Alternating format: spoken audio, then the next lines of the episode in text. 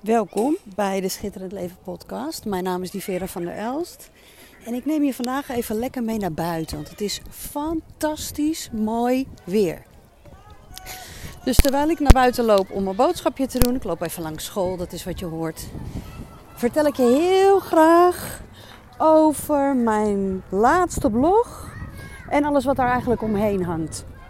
De titel van mijn laatste blog, of van het blog waar ik het vandaag met je over ga hebben, is Daar ben ik niet voor gemaakt.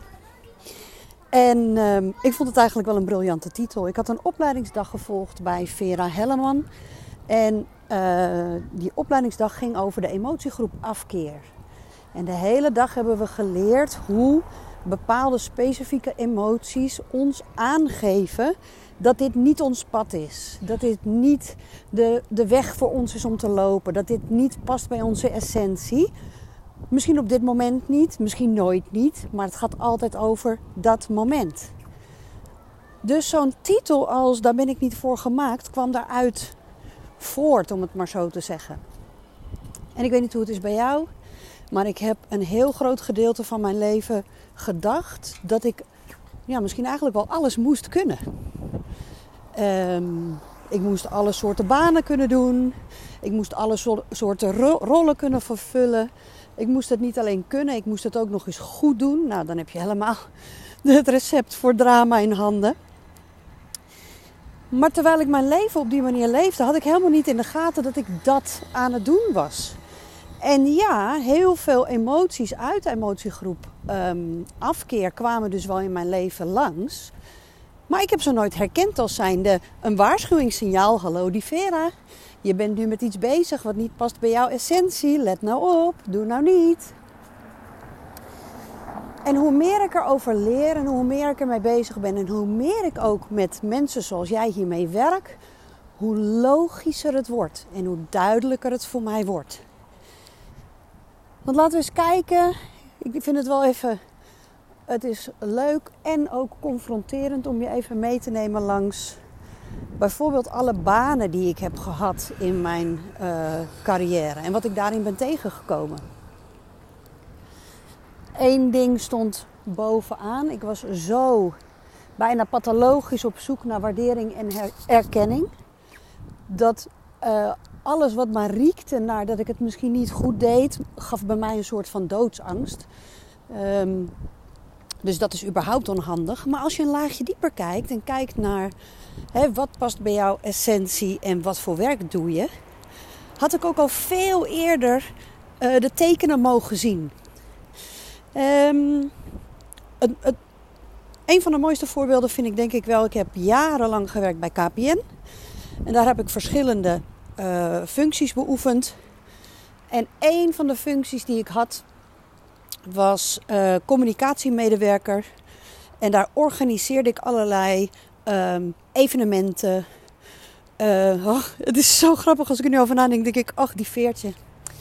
Ik organiseerde evenementen. Ik moest communicatie uitsturen, nieuwsbrieven. En op de website, het was toen allemaal nog veel minder normaal dan nu, al dat online. We, dus veel live evenementen voor de verkopers onder andere. Ik kwam uit de verkoop. En um, mijn belangrijkste taak, of mijn belangrijkste rol, was dus achter de schermen. Nou, als je me een beetje kent, is dat eigenlijk een plek die ik helemaal niet leuk vind. Dan was ook nog een, een belangrijke taak het organiseren en het uh, bijhouden en de rollen, taken verdelen, rollen verdelen en dat bewaken. Nou, ik heb er zo'n ontzettende hekel aan. Um, nou, toen eigenlijk misschien nog wel meer dan nu, weet ik niet. Nu zie ik gewoon dat het niet mijn talent is. Er zijn mensen die dat veel beter kunnen dan ik. Ik heb andere talenten. Maar ja, hè, ik, ik weet niet hoe het is bij jou, maar um, er was bij mij veel meer uh, noodzaak, of nee, veel meer aandacht voor. Wat moet je nog ontwikkelen en wat moet je nog leren? Dus ik dacht, ja, misschien moet ik dat dan maar gewoon nog leren of ontwikkelen. Maar het past in de basis niet bij de energie die ik ben. Bij uh, de rol die ik hier te vervullen heb. Um, ja. Dus uh, als je te lang dingen doet die niet passen bij jouw essentie, dan ga je over je grenzen heen. En iedereen weet wat er gebeurt als je te lang en structureel over je grenzen heen gaat. Dan kun je burn-out raken. En dat is dus ook een van de risico's die eh, Vera omschreef in de opleidingsdag. Ik ben dus ook burn-out geraakt in 2003, denk ik. 2002, ik weet het niet eens meer. Godzijdank. Het is allemaal lekker lang geleden. Niet meer zo actief. Dus om weer even terug te komen op de titel. Daar ben ik niet voor gemaakt. Het was misschien een beetje een geintje, maar serieus. Stel nou dat we daar allemaal masse eerlijk over zouden kunnen zijn. Dat is natuurlijk wel een, dan is het wel een voorwaarde dat je weet waar je dan wel voor gemaakt bent. Hè? Dus gewoon ergens geen zin in hebben, dat geeft je onvoldoende informatie. Ontdek wat kloppend voelt voor jou en wat niet kloppend voelt voor jou. Maar moet je je voorstellen als we daar nou allemaal eerlijk over zouden kunnen zijn. Dus iedereen weet het. Iedereen is er eerlijk over. En iedereen doet ook de expliciete uitnodiging. Geef mij nou het werk wat bij mij past.